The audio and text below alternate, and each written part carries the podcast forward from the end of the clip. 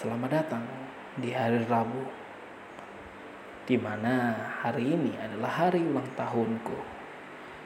Usia yang telah menginjak angka 20, tetapi aku tetap saja merasa terbelenggu.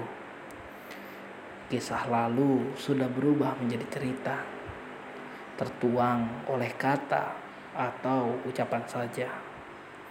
Putus asa karena sebuah masalah yang kulakukan hanyalah diam dan pasrah. Jika kamu bertanya, temanmu mana? Jawabannya sudah memiliki dunianya sendiri. Padahal dulu menjadi satu inti. Sering datang karena meminta bantuan. Pergi supaya terlupakan. Itulah teman. Dia berubah menjadi anon.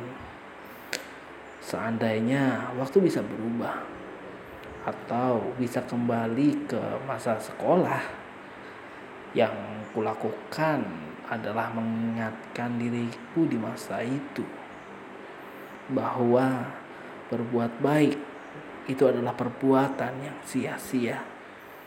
Jika kalian bertanya kenapa, alasannya banyak orang yang telah diberikan sebuah kebaikan, tetapi dibalas dengan keburukan. Terima kasih. Salam.